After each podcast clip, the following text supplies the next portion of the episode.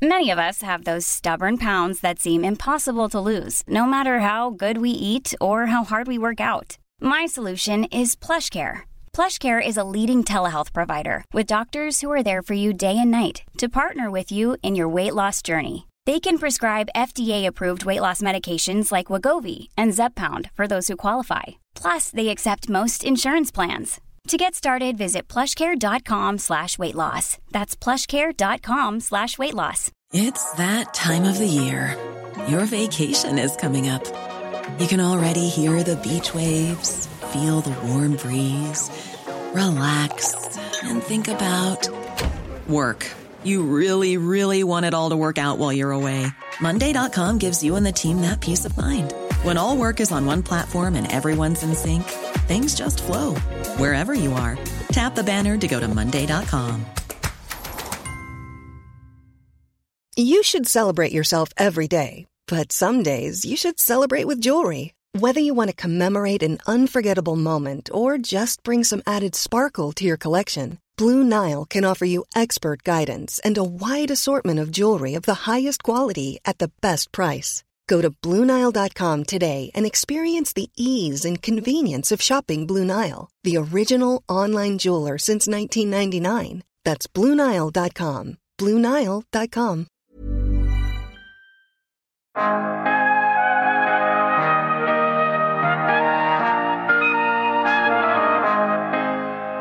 Det var en liten slump att jag, att jag kom in i en sån roll och eh, kände, kände ju mig absolut som att jag eh, kanske var en udda fågel, inte ingenjör, inte man, inte läst på Lunds tekniska högskola som nästan alla hade gjort det och så vidare. Och eh, vi höll ju då på att utveckla mobiltelefoner, några av de första och, och då insåg man ju att det här kommer ju omdefiniera hur våra liv ser ut. Så när jag väl liksom fick den känslan så, så var det ungefär så att jag bara bestämde mig för att det här är så, det här är så spännande. Jag kan inte gå och marknadsföra choklad eller soppor eller någonting efter det här.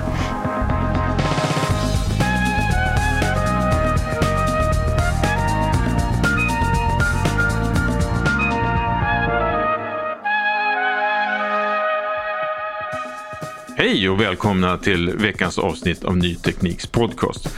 Jag heter Per Danielsson och den här veckan så möter vi Microsoft Sverigechef Helene Barnekow.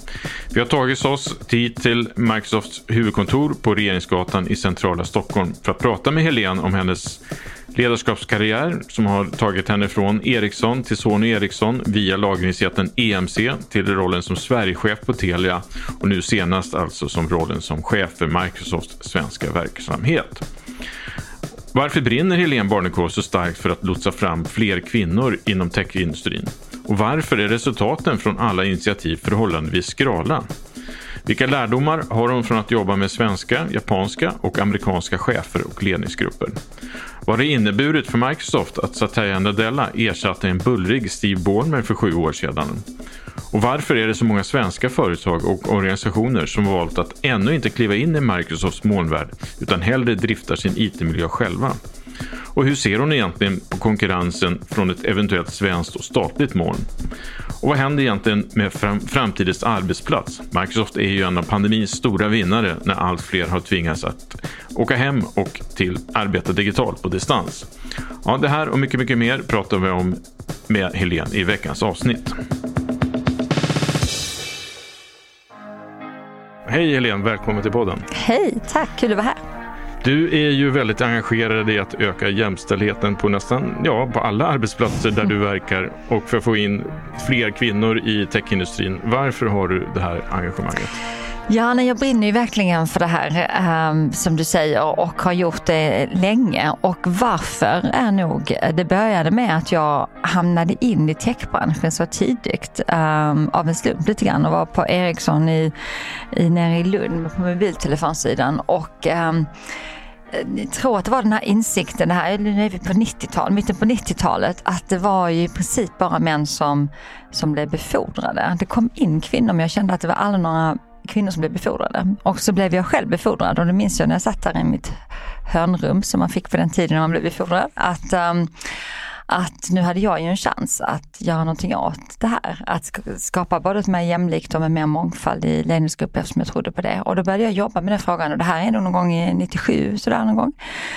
Um, och sen så såg jag att det där, kände jag ju att det gav resultat på olika sätt och sen har jag tagit den med mig och sen har jag ju ofta, nu är det annorlunda men under många, många, många år så var jag ju verkligen ibland ensam kvinna i rummet eller två kvinnor i rummet eller något sånt där. Så att jag kände ju att jag blev aldrig klar med den frågan. Ja precis, du gör massa saker men det är också andra massa initiativ som pågår ständigt. Eh, bland annat eh, Women in Tech och så vidare. Mm. och så vidare.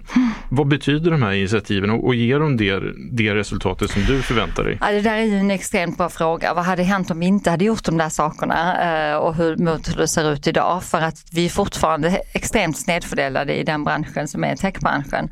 Ehm, jag tror ju att de är, jag tror att de är viktiga och inte minst därför att de skapar en medvetenhet, de lyfter frågan och man får också se förebilder. Så att yngre kvinnor och yngre män får ju se förebilder och får ju också att man hela tiden återbetonar att det här är viktigt. Det är viktigt för företagen, det är viktigt för, för eh, kvinnorna, för männen, för Sverige. Eh, sen så kan man väl på något sätt känna att borde vi inte ha kunnat komma ännu längre, speciellt i ett land som Sverige. Om vi nu gör så mycket, varför har vi inte kommit längre? Den kan jag ju brottas med ibland. Mm.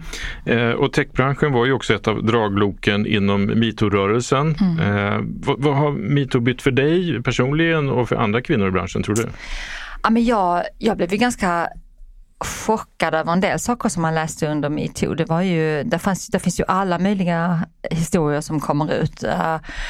Uh, och blev, jag blev väl personligen, jag blev extremt illa berörd både av en del grova, verkligen grova saker men även bredden på dem. Uh, hur många historier det fanns i princip alla branscher.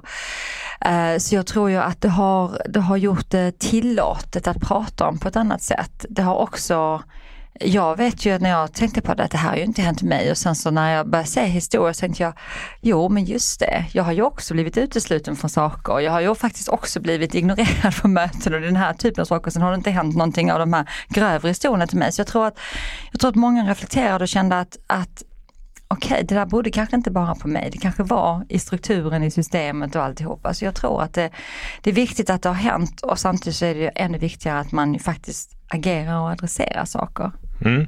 Eh, om du skulle ge, ett råd då till unga tjejer som är, nyfikna på att mm. ge sig in i techbranschen, mm. vad, är det? Om det är ett eller två råd? Ja, men det första är ju, alltså gör det för det första, därför att nu kommer ju tech och definierar väldigt mycket vad vi kan göra åt för att göra samhället bättre. Så vad man än är intresserad av, Eh, klimatet, miljön, eh, innovation, teknikutveckling så är det ju tech. Så det första rådet är att göra det. Det andra är ju att eh, kolla in företagen olika, för alla företagen är inte samma. Det finns ju företag som har lyckats locka till sig en mycket högre andel kvinnor för att man faktiskt jobbar med kulturen. Så kolla in företagen, titta på hemsidorna, hur ser cheferna ut? Ser alla exakt likadana ut? Är det verkligen blandning bland ledare? ledare och, och styrelse och så vidare och sen satsa.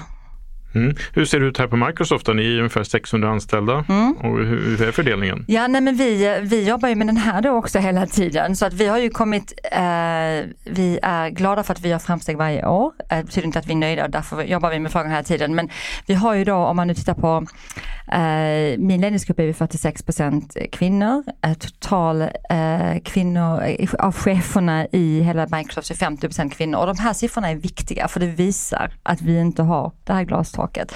Och sen i totalt på Microsoft så är vi nästan 36% kvinnor i totalen. Och då är IT-branschen i Sverige på 29% Så det betyder ju att vi lyckas både locka till oss och behålla fler kvinnor i branschen. Men det betyder ju att vi fortfarande vill locka till oss ännu fler. Jag minns, eh, jag träffade Thomas Ekman som var vd på Tele2 för många, många år sedan och han var, sa ju, han liksom hade ett litet mått att ju mer jämställda vi är på arbetsplatsen desto bättre blir resultatet. Eh, mm. Vi ökar tillväxt, det blir ett bättre mm. resultat. Håller du med honom om det? Ja men det gör jag nu finns det ju så, det var det jag trodde innan vi visste, vi visste vad vi gjorde kanske en del av oss och Thomas är ju också en eldsjäl bakom det här. Uh, men nu finns det ju så mycket forskning som visar det också att de, lönsamma företag, de mest lönsamma företagen uh, och där det finns mer innovation har ju större både jämlikhet och mångfald bakom sig. Så att nu, nu har vi forskning på det, det visste man ju inte då men man hoppades ju på det. Exakt. Eh, du sa gör det och var det så du gjorde? Du bara gjorde det när du började din mm. Eh, karriärresa mm. mitten på 90-talet ja. på Ericsson? Lite grann så var det faktiskt. Eh, det var en liten slump att jag, att jag kom in i en sån roll och kände, kände ju mig absolut som att jag eh, kanske var en udda fågel, inte ingenjör, inte man, inte läst på Lunds tekniska högskola som nästan alla hade gjort det och så vidare. Och ehm, eh, Eh, när jag väl hade kommit in och kände att, och, det, och här är min fascination med, med eh, techbranschen överhuvudtaget och eh, vi höll idag på att utveckla mobiltelefoner, några av de första och man ska, ska spesa till bluetooth, alla sådana här saker som låter som en självklarhet idag. Och då insåg man ju att det här kommer ju omdefiniera inte bara hur vi kommunicerar och hur vi jobbar, det kommer omdefiniera hur våra liv ser ut och det har ju också eh, mobilteknologi gjort. Eh, så när jag väl liksom fick den känslan så, så var det ungefär så att jag bara bestämde mig för att det här är så, det här är så spännande. Jag kan inte gå och marknadsföra choklad eller soppor eller någonting efter det här. Ja, och sen då så slog Ericsson och Sony ihop mm. sina mobilverksamheter mm. och du hamnade där också. Det här var ju slutet, det var i början på 2000-talet. Ja, det här var 2000 ett var det väl, oktober 2000, ja, första oktober 2001 runt någonstans där. Ja. Mm. då nästan. Eh, berätta om den tiden, hur var det då? Ja, det var otroligt spännande och inte självklart på något sätt att man skulle satsa på det om jag ska vara ärlig för att eh, då hade ju Ericsson varit otroligt framgångsrika, gått till att ha en enorm tillväxttakt på mobiltelefonerna till att kraschlanda i princip. Och eh, Sony med sina mobiltelefoner hade ju aldrig lyckats så de hade inte ens haft toppen och så slog man ihop de här i ett 50-50 joint venture och det är inte givet att det ska lyckas. Um, men um, jag brann ju för det här som man gör ibland så att vi var ju ganska många som kastade oss in i det där. Um, och uh, skapade ett nytt bolag som sen, uh, jag stannade ju där i åtta år. uh, och man kan ju säga att det var ett bolag som, sen blev det ju, ett, det var tuffa första två åren innan man lyckades hitta sin första rätta produkt att lansera och komma in i, i matchen igen. Sen blev det ett bolag som faktiskt definierade väldigt mycket av det som sen kom. Sen blev det det bolaget som var först ut med kameror i mobiltelefonerna, Walkmans i mobiltelefonerna. Det blev ett otroligt innovationsdrivet bolag. Uh, och sen jobbade jag med dem runt om i olika delar av världen. Så för mig har det ju, um, för mig har det, det har format mig jättemycket, uh, verkligen. Men gick det över från ett svenskt ledarskap som styrde dig till ett uh, japanskt ledarskap? Då, ja, det var, ju, det var ju ett otroligt intressant ledarskap. Jag hade väl i princip nästan bara japanska chefer hela tiden, ja, personligen. Uh, och det var ju också en intressant dimension om man var kvinna, för det var, in, det var det ännu färre kvinnor i närheten. Men vi hade ju en, en blandning av, det var ju både, uh, inte bara svenska och japaner, utan även amerikaner, engelsmän och andra nationaliteter i, i ledningen och så vidare. Så det var ju visserligen en blandning. Jag personligen hade nog nästan bara japanska chefer där.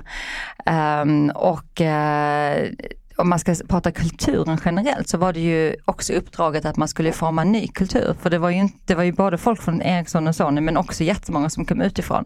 Så en stor del av det var att försöka skapa den kulturen som gjorde att man kunde leverera på det mm. viset. Och som sagt var, åtta år på Sony Ericsson och då lämnar du för att komma in i en helt annan mm. kultur misstänker jag när du, när du går till den eh, amerikanska lagringsjätten EMC som sen köptes upp av Dell. Eh, vad var det bästa och sämsta att jobba liksom med ett amerikanskt globalt techbolag? Eh, ja, ja, när du säger kultur, det var natt och dag kulturmässigt ska jag säga. Verkligen. Men det är också det som attraherar mig. Jag tycker om när det äh, blir annorlunda, jag får lära mig nya saker. Men det var verkligen natt och dag.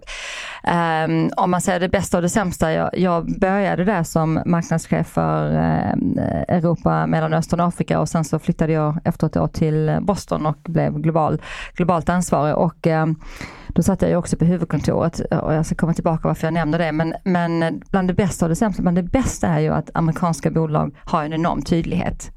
Uh, en japansk-svensk blandad kultur är ju mycket mindre tydlig om man ska prata den, den delen. Det är tydligt, uh, målen är tydliga, det finns ingen tvekan om vad man ska för det mesta. Um, och allt det där fanns ju verkligen i EMC-kulturen. Det fanns också ett otroligt, otroligt säljdriv i EMC-kulturen tillsammans med starkt eh, teknikintresse och de två grejerna tyckte jag var väldigt stämmer, sköna. Stämmer det att de som, säljarna som presterade sämst fick sparken varje år? Det är ett rykte som har gått sedan Nej, länge. Äh, ja, det, det, det, har det, nog, det har det nog gjort med många amerikanska bolag det här att man drar för gardinerna och så kollar man vilka de tio sämsta är och så sparkar man dem. Nej det var inte riktigt så hårt, det ska jag inte säga. Det var det inte. Men det finns ju, det finns ju någonting med att man jag skulle säga amerikansk eh, styrning har ofta har man en större rörlig andel av eh, din ersättning har med bonus att göra och så vidare. Så det finns ju en annan koppling ofta som är tvåvägs faktiskt, tror jag ömsesidig faktiskt. Om jag minns helt rätt, men en annan sak med EMC var ju att personalen var tvungna att lära sig väldigt mycket om produkterna. Mm. Så stenhårt mm. skulle alla kunna prata mm. för produkterna. Ja. Gällde det dig också? Det fanns, ja men det fanns en otrolig, eh, vi hade en fantastisk eh, VD som hette Joe Tucci som, som, blev, som var åtminstone i USA extremt känd. Men det var ju två saker, det var ju en enorm kundbesatthet han träffade kunder hela tiden och så var det en enorm produktbesatthet. Så de två var man tvungen att bemästra. Om man kunde springa på honom i korridoren så undrade han vilken kund man hade sett eh, sista veckan. Även om inte en del, alla jobbade med kunder. Så att de två, man behövde kunna produkter, man behövde kunna kunder och känna för kunder. Eh, men det lärde jag ju mig extremt mycket av. Eh, den här enorma kundbesattheten kopplat sen till sina egna investeringar i produkter är ju en väldigt sund del. Om du frågar om de sakerna som kanske är Uh, som jag tror man kanske ibland missar ut i den typen av, av kulturer är ju, är ju att det inte är lika uppenbart att det blir de här samarbeten. Det är inte lika uppenbart att det blir de här interna, liksom verkligen drivna, drivna samarbeten därför att man styr inte företaget riktigt på det. Och där tror jag ju att man, det finns någonting i för, hur världen har förflyttat sig, hur problembilden ser ut, hur eh, problemen för kunderna ser ut. Att, att de här samarbeten är ju otroligt, otroligt viktiga. För oftast är det inte en, en fråga som man löser. Ofta är, är det tvärfunktionella frågor det handlar om. Så, och där tror jag kanske man eh, i de extremt drivna kulturerna kanske missar ut ibland.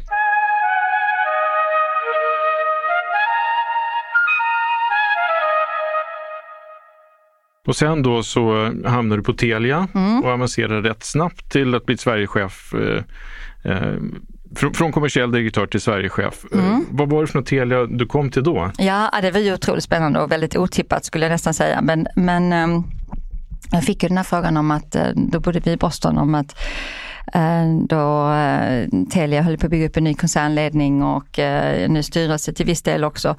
Ehm, om att, och börja på Telia. Och då började jag som kommersiell chef för, och då var det ju ett globalt jobb för alla marknader. Då hade man ju fortfarande ganska många marknader.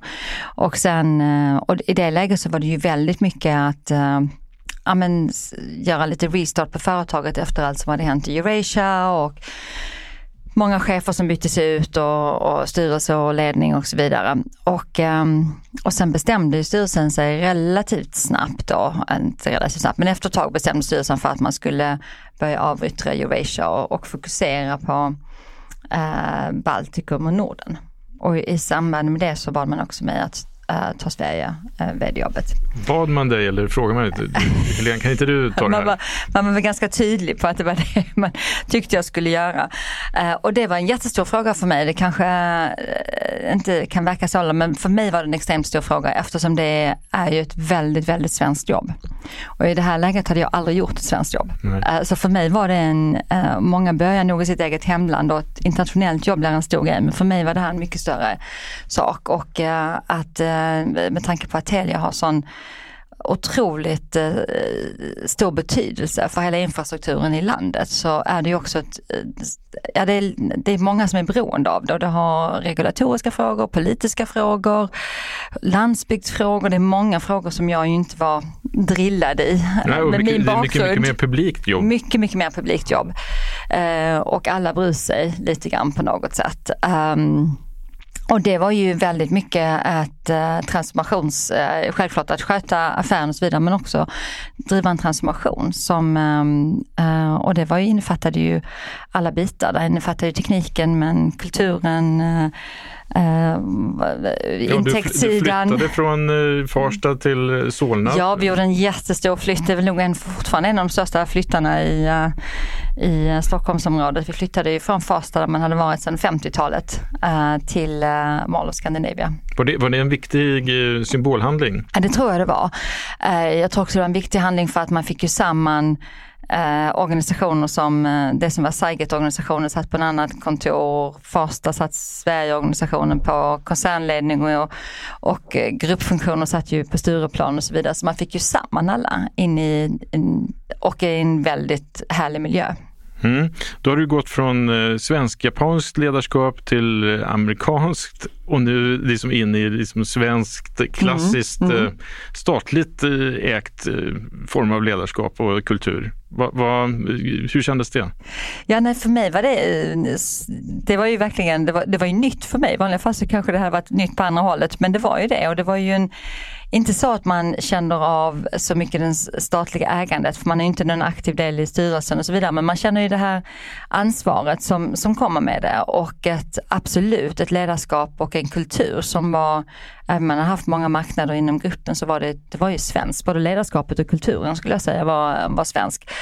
Um, och det finns så många fina bitar med det. Jag tror den som, um, som jag kanske kanske då utmanar lite, uh, som jag kanske även gjort lite grann här, det är ju att man, jag tror ju väldigt mycket, jag pratade om samarbete innan, jag tror att det är så viktigt i de flesta arbeten um, och de flesta utmaningar man ska lösa så är ju de här tvärfunktionella samarbeten. Däremot så är det inte så lyckat när det slår över i långa konsensus.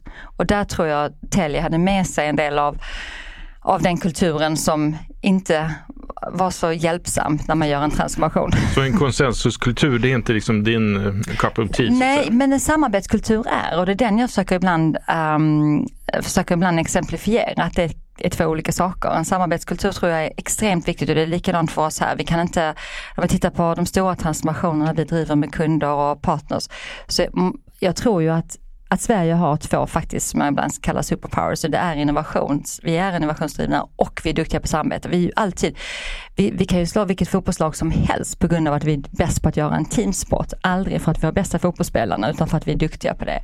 Så de tror jag ju är så viktiga, men när det går över i konsensus, när vi fortsätter diskutera och vi diskuterar efter besluten och vi tar en diskussion till, för jag vet inte om, om Per var med exakt på den saken, så jag tar nog en till. Den fungerar inte så bra i en värld som också går så snabbt som den gör nu. Nej. Sen kom du då till Microsoft 2000, slutet, på, 20, mm. slutet på 2018. Mm. Ytterligare en ny kultur. Mm. Mm. Vad var det som liksom slog dig när du kom hit? Då? Ja, jättespännande. Och, och det var ju också jättespännande för att det var ju en kultur som um, Vissa saker kunde jag ju känna igen från min amerikanska erfarenhet tidigare. Men här var ju en kultur som var i jättestor förändring skulle jag säga, som hade påbörjats av Satya Nadella redan You should celebrate yourself every day, but some days you should celebrate with jewelry. Whether you want to commemorate an unforgettable moment or just bring some added sparkle to your collection, Blue Nile can offer you expert guidance and a wide assortment of jewelry of the highest quality at the best price. Go to BlueNile.com today and experience the ease and convenience of shopping Blue Nile, the original online jeweler since 1999. That's BlueNile.com. BlueNile.com. Hiring for your small business? If you're not looking for professionals on LinkedIn, you're looking in the wrong place. That's like looking for your car keys in a fish tank. LinkedIn helps you hire professionals you can't find anywhere else, even those who aren't actively searching for a new job but might be open to the perfect role. In a given month, over 70% of LinkedIn users don't even visit other leading job sites. So start looking in the right place. With LinkedIn, you can hire professionals like a professional. Post your free job on linkedin.com slash people today. Hey, it's Ryan Reynolds, and I'm here with Keith, co-star of my upcoming film, If, only in theaters May 17th. Do you want to tell people the big news? All right, I'll do it. Sign up now and you'll get unlimited for $15 a month in six months of Paramount Plus Essential Plan on us. Mintmobile.com slash switch. Upfront payment of $45 equivalent to $15 per month. Unlimited over 40 gigabytes per month. Face lower speeds. Videos at 480p. Active Mint customers by 531.24 get six months of Paramount Plus Essential Plan. Auto renews after six months. Offer ends May 31st, 2024. Separate Paramount Plus registration required. Terms and conditions apply if rated PG. Hey, Dave. Yeah, Randy. Since we founded Bombus, we've always said our socks, underwear, and T-shirts are super soft. Any new ideas? Maybe sublimely soft. Or disgustingly cozy. Wait, what? I got it. Bombus. Absurdly comfortable essentials for yourself and for those facing homelessness. Because one purchased equals one donated. Wow, did we just write an ad? Yes. Bombas. Big comfort for everyone. Go to bombas.com slash ACAST and use code ACAST for 20% off your first purchase. Hey there, it's Michelle Norris. I'm host of a podcast called Your Mama's Kitchen. When I travel, I'm usually looking for a way to find a taste of home when I'm not at home. And one of the things I love to do when I am at home is entertain. And Airbnb allows me to do that. When I was in California recently, I rented a house that had a great kitchen. And when we were sitting around the table, we're all thinking, we're in someone else's house. Someone could be in all of our homes as well. If you have a home, but you're not always at home, you have and Airbnb. Your home might be worth more than you think. Find out how much at airbnb.com slash host. När han kom då 2014. Och även om det kan ses som det är många år, om man pratar om förändring, så är det här ju ett gigantbolag vi är 180 000 anställda som man ska få med sig på en kulturresa. Så här kom jag in, skulle jag säga, i en, en kultur som har många av de här amerikanska dragen som jag pratade om tidigare. Tydlighet, tydlig riktning, um, tydliga mål, allt det där finns här. Och samtidigt den här um, förflyttningen mot som vi har definierat med en kultur som handlar mycket om kundbesattheten, handlar mycket om samarbete med att få ihop de bästa av Microsoft, som handlar mycket om mångfald och inkludering i kulturen och verkligen driva den här growth mindset. Och det var ju inte det var inte heller där Microsoft riktigt kom ifrån. Man kom ju också från en enorm produkt skulle jag säga. Eh, produkt och eh, mjukvaru och licensförsäljning eh, som var en helt annan faktiskt annan utgångspunkt ja, än vad vi har idag. Absolut.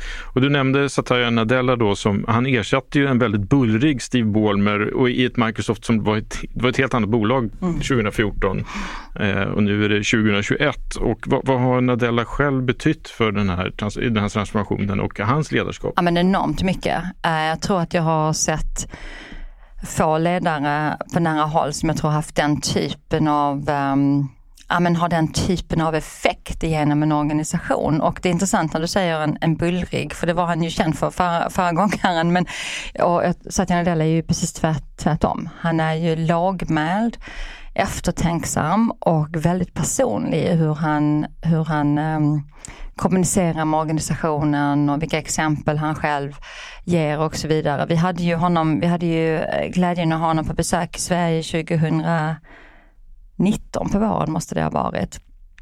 Eh, där vi hade honom här en hel dag i massa olika sammanhang och eh, han, det finns ju en eh, det finns ju en väldigt stark koppling mellan de prioriteringar han har drivit och med vad jag skulle säga ofta är en svensk agenda. Prioriteringarna med hållbarhet, eh, prioritering med mångfald, inkludering, tillgänglighet, eh, otroligt fokus på eh, det här med eh, skilling och utbildning och ständigt lärande. Det finns så många, så för oss i Sverige så tror jag nästan att, att eh, vi är, jag tror alla är så otroligt glada för att Satya Nadella som ledare. Jag tror kanske vi är ännu gladare för att vi känner att det finns en sån bra match. Med. Mm. Nu har ju du varit då en lång karriär, framgångsrik karriär med massor med olika erfarenheter från olika typer av bolag. Så jag antar att du har skapat skapat någon form av egen ledarfilosofi. Ja, jag tänkte, liksom, har du några grundpelare? Man gör väl det på något sätt uh, på vägen, man läser ju på vägen. Ja men jag, jo, jag har lite grundpelare som jag, uh, som jag tycker är väldigt viktiga. Det ena är att jag tror att uh, om jag ska, när jag förenklar och tänker på vad är mina, när jag får, man får frågan så här, vilka, är, vilka är de viktigaste egenskaperna? Och nu förenklar jag verkligen på, så man hamnar lite på molnfri men, men jag tror att de två viktigaste egenskaperna i kombination för mig är mod och ödmjukhet. Och anledningen att prata om det i ledarskapet är att jag tror att uh, har man inte mod som ledare, uh, kanske man hamnar i en konsensuskultur, men det var inte riktigt det jag tänkte nu, men om inte man har mod som ledare så är det då blir det liksom ingen framfart, det blir ingen förflyttning, man fattar inte de svåra besluten, det blir ofta miljö som inte är speciellt trevlig att jobba i faktiskt, när man inte har mod som ledare.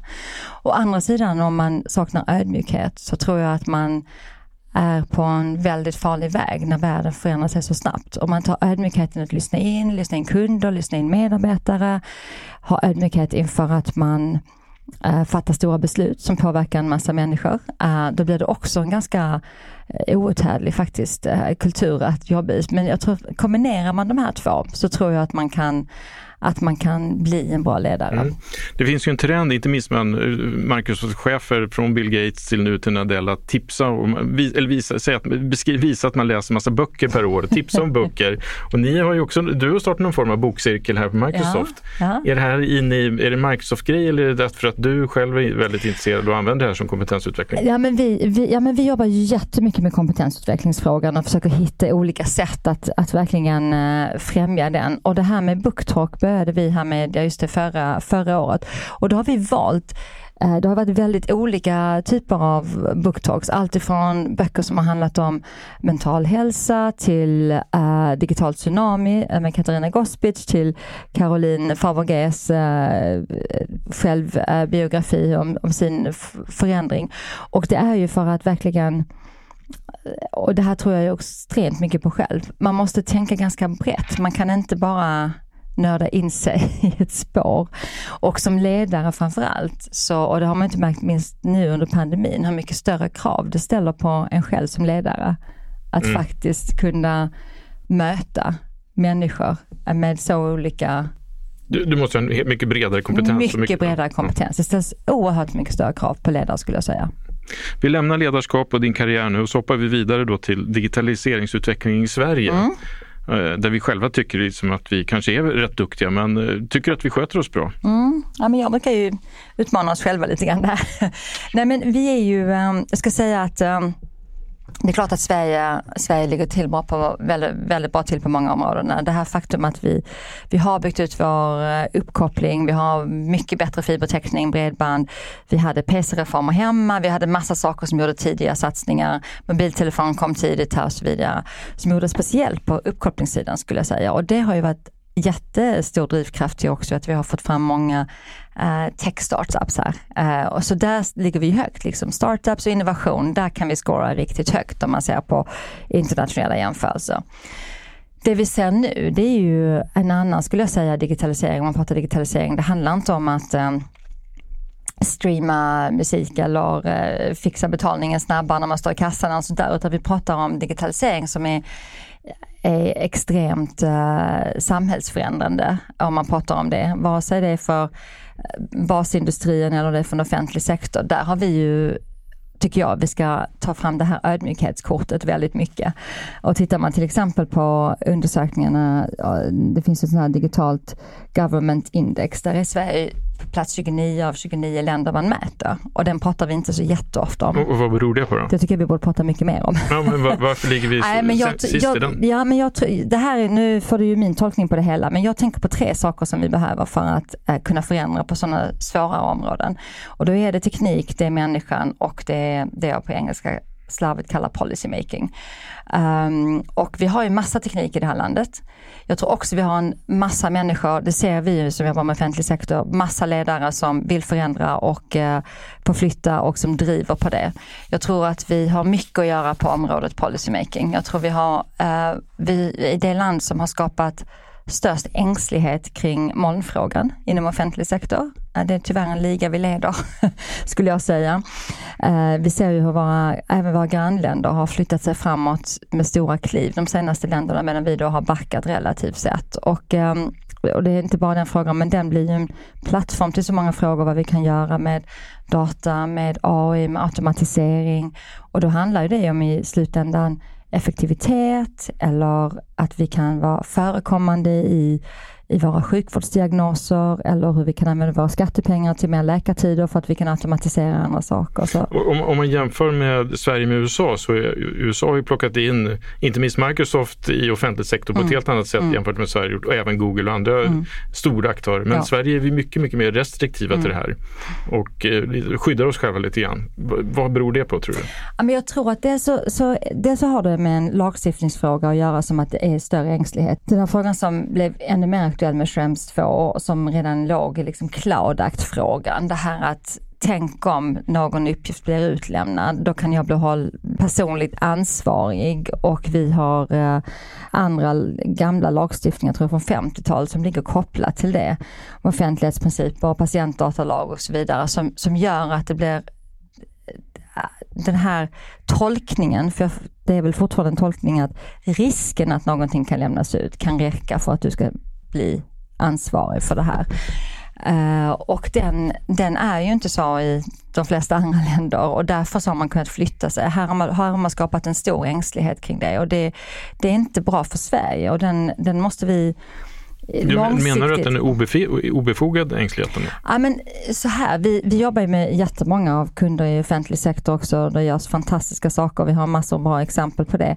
Och vi säger ju alltid till våra Eh, uh, våra kunder. Vi jobbar med dem också på att göra riskanalyser så att man själv, man måste själv göra sin datainformationsflöde, man måste själv vad det är för risker, vad är det för information som kan lämnas ut. Så man måste själv känna att man har kontroll på det och det kan vi hjälpa till med och vi har ett stort partner-ekosystem som hjälper till med de här frågorna.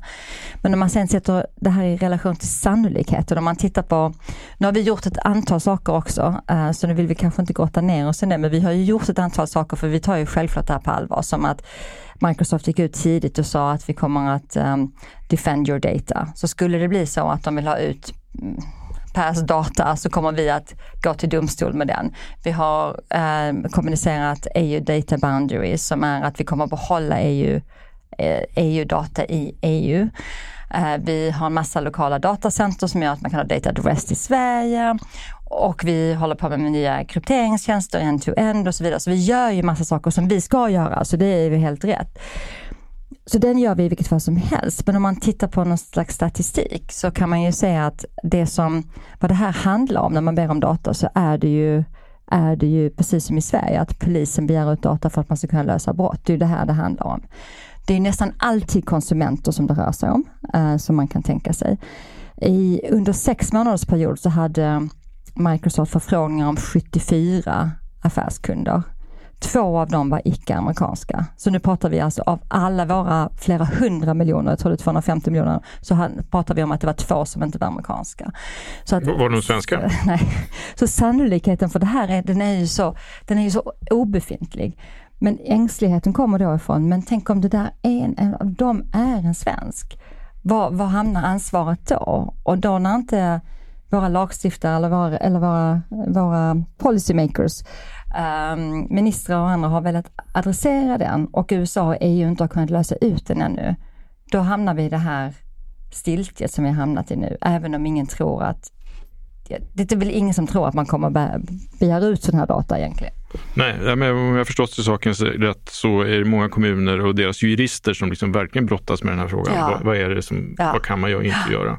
Eh, och det pågår ju också den här diskussionen om att bygga ett svenskt nationellt moln. Mm. Eh, parallellt då med, med era stora mål. Vad, vad, säger du om det? Ja, nej, men jag, alltså jag tror ju att det är inte... All vår historia visar ju sig att och jag skulle säga att en av anledningarna att Sverige som ett litet land har lyckats med den här otroliga framfarten som vi har haft med på konsumentsidan, om du ska kalla det så, med digitalisering och innovation, det är ju för att vi hela tiden har använt bäst teknologi, bäst, eh, bästa plattformar, för att snabba med att anamma dem. Det är ju nyckeln till det. Skulle vi börja bygga upp allting själva i ett litet land och dessutom tro att vi ska kunna hinna med i den utvecklingstakt som nu är exponentiell, det är fullkomligt omöjligt. Uh, och sen finns det två aspekter till och den, den ena är ju säkerheten. Uh, och det är ju en del av, av molnjättarnas nu Uh, tror jag fördel att man, uh, man kan ju investera i säkerhet på ett sätt som ingen annan kan. Och, den, och det behöver ju alla organisationer. Vi behöver ha den bästa cybersecurityn med, med hur det ser ut idag. Mm. Om vi går, hoppar då till Gävle där ni har byggt ett mm. uh, datacenter för lagring av data, data i Sverige om jag förstår saken rätt. Hur har det mottagits? Nej, men det har ju mottagits eh, fantastiskt eh, väl och vi är så glada att det nu är öppet. Um, det här jobbet har på, pågått länge med många involverade och tillsammans också med kunder och partners, vilket vi är jätte, jätteglada över. Så. Men nu, innan vi går vidare och pratar om det, hur gick det till när när det blev Gävle? Mm. Sa Gävle kommun mm. att här får ni mark, här får mm. ni el, här får ni allting? Nej, det är inte riktigt så det går till. till. men, det, men det är ju många som, um, ja men vi annonserade för tre år sedan att, vi skulle, att det var precis här vi skulle bygga och att det skulle bli Sverige. Då hade ju många länder varit med i i och velat ha de här, eh, den här satsningen och inte minst den här därför att det här är faktiskt, det här tycker vi är väldigt roligt men den här var extra viktig för att det här var då Microsofts senaste datacenter design. också vad gäller hållbarhet. Så det här är inte bara ett, inte en datahall till, utan det här är den absolut senaste vi nu har öppnat här i Sverige. Och det var en stor anledning, nu var det självklart samarbete med, med många olika myndigheter och kommuner, men en avgörande anledning var att vi var faktiskt samarbetet med Vattenfall och att Vattenfall eh, committade sig till eh, 100% förnybar el. Eh, vilket inte var så många som vågade göra för tre år sedan. Nu har det hänt mycket på det området, så nu går det ju väldigt mycket snabbare i många länder. Men, men det var en väldigt viktig fråga för, eh, för Microsoft. Så hela hållbarhetssatsningen, eh, energin men också det här med zero waste, kunna ta tillbaka det.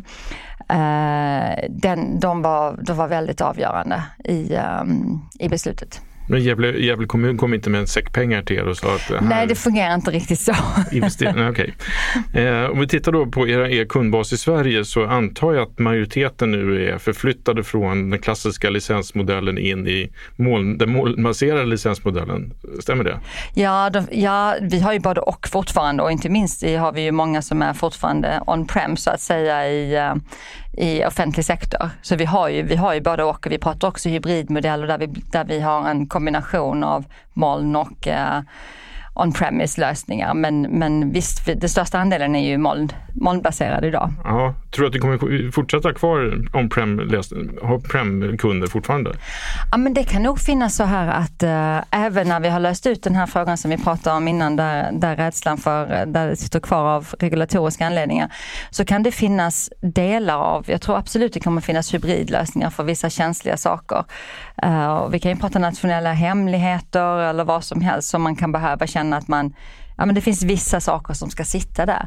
Men jag tror att även de organisationer som hanterar sånt, de kommer bli väldigt duktiga på att ha sina data management-flöden så att de sakerna som kan sitta i det här molnet kommer sitta där och i så fall de sakerna som måste ha en specifik uh, specifik ring omkring sig mm. kommer ha det. Vi sitter ju här på ert fantastiskt fina kontor på Regeringsgatan i Stockholm och det här är ju ett kontor som ni byggde och designade och investerade massa pengar mm. i före pandemin. Mm. Och nu är vi nästan 18 månader efteråt ja. och det är knappt någon här. Nej. Uh, så var det en onödig investering det här? Nej, absolut inte. Uh, det här tror jag kommer bli en av våra bästa investeringar. Nej, men vi flyttade, precis som du säger, vi flyttade ju hit i november innan pandemin slår till, så ungefär fyra månader innan vi blev hemskickade av Folkhälsomyndigheten, för de följer vi ju. Eh, då flyttade vi hit och då drog vi ner vår kontorsyta med 67 procent. Flyttade från Akalla och in till stan och det var ett otroligt medvetet ehm, eh, beslut av, kopplat till hur mycket vår affärsmodell har ändrat sig. Att det är mycket samarbeten, vi vill att kunder och partners ska kunna komma hit och folk vill ju mycket hellre kunna komma hit för det är enklare. Eh, och jag tror att vad vi gjorde var ju egentligen att uh, verkligen, vi hade jobbat med det här vår devis är ju att jobb är någonting du gör, inte ett ställe du går till. Där hade vi jobbat med tio år för flyttningen, långt innan jag kom dit. Och det här blev ju nu ett ställe där det verkligen kunde bli så. Så vissa dagar så är det fullt med folk i huset och mycket bass och så vidare och andra dagar så är det men, inte men, samtidigt, Microsoft är en av pandemins vinnare på börsen mm. och gäller användning av mm. era verktyg. Mm. Helt plötsligt så börjar folk ha digitala möten på ett sätt som man aldrig har upplevt förut. Och nu är, liksom, nu är det här vardag för de flesta och det är nästan svårt att, att sluta ha det. Hur, kom, hur, tror du framtidens arbetsplats kommer att se ut? Ja, men jag tror det kommer att bli en mix. Jag tror fortfarande man kommer alltså Jag tror människor vill träffas. Jag tänker vi, vi ser det på många andra, på, alla, på många ställen nu i, i samhället tror jag.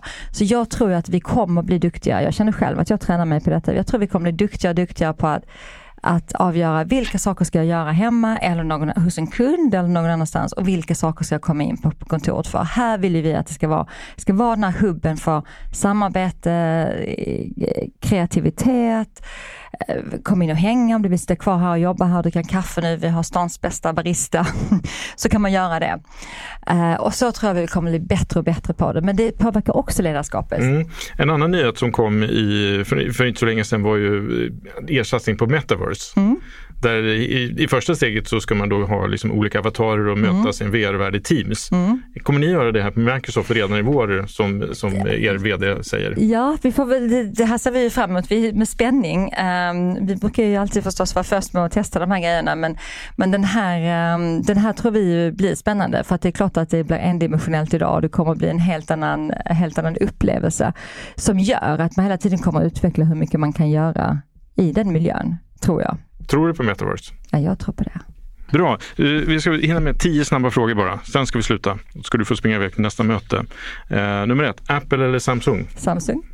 E-krona eller bitcoin? Oj, jag hoppas på e-krona. Netflix eller bok? ja, bok. Flyg eller tåg? Oj, båda tyvärr, men tåg när det går. Magdalena Andersson eller Ulf Kristersson? Oj, det får nog bli just nu Magdalena Andersson. Morgon eller kväll? Kväll, Twitter eller LinkedIn? båda. Podd eller video? Eh, podd. VR-möte eller vanligt digitalt möte? Oj, VR-möte. Sista då, yoga eller maraton? Yoga definitivt. Stort tack Helene för att du kom till podden. Tack själv. Ja, vi tackar Helene Barnekow för att hon ville ställa upp och prata med oss här i podden. Gör gärna som tusentals andra och klicka på prenumerera. Du får jättegärna rekommendera podden till de som du tycker borde lyssna på det här. Vi är tillbaka nästa vecka som vanligt. Har du synpunkter på innehållet får du jättegärna mejla på redaktionen nyteknik.se. Tack så mycket. Hej hej!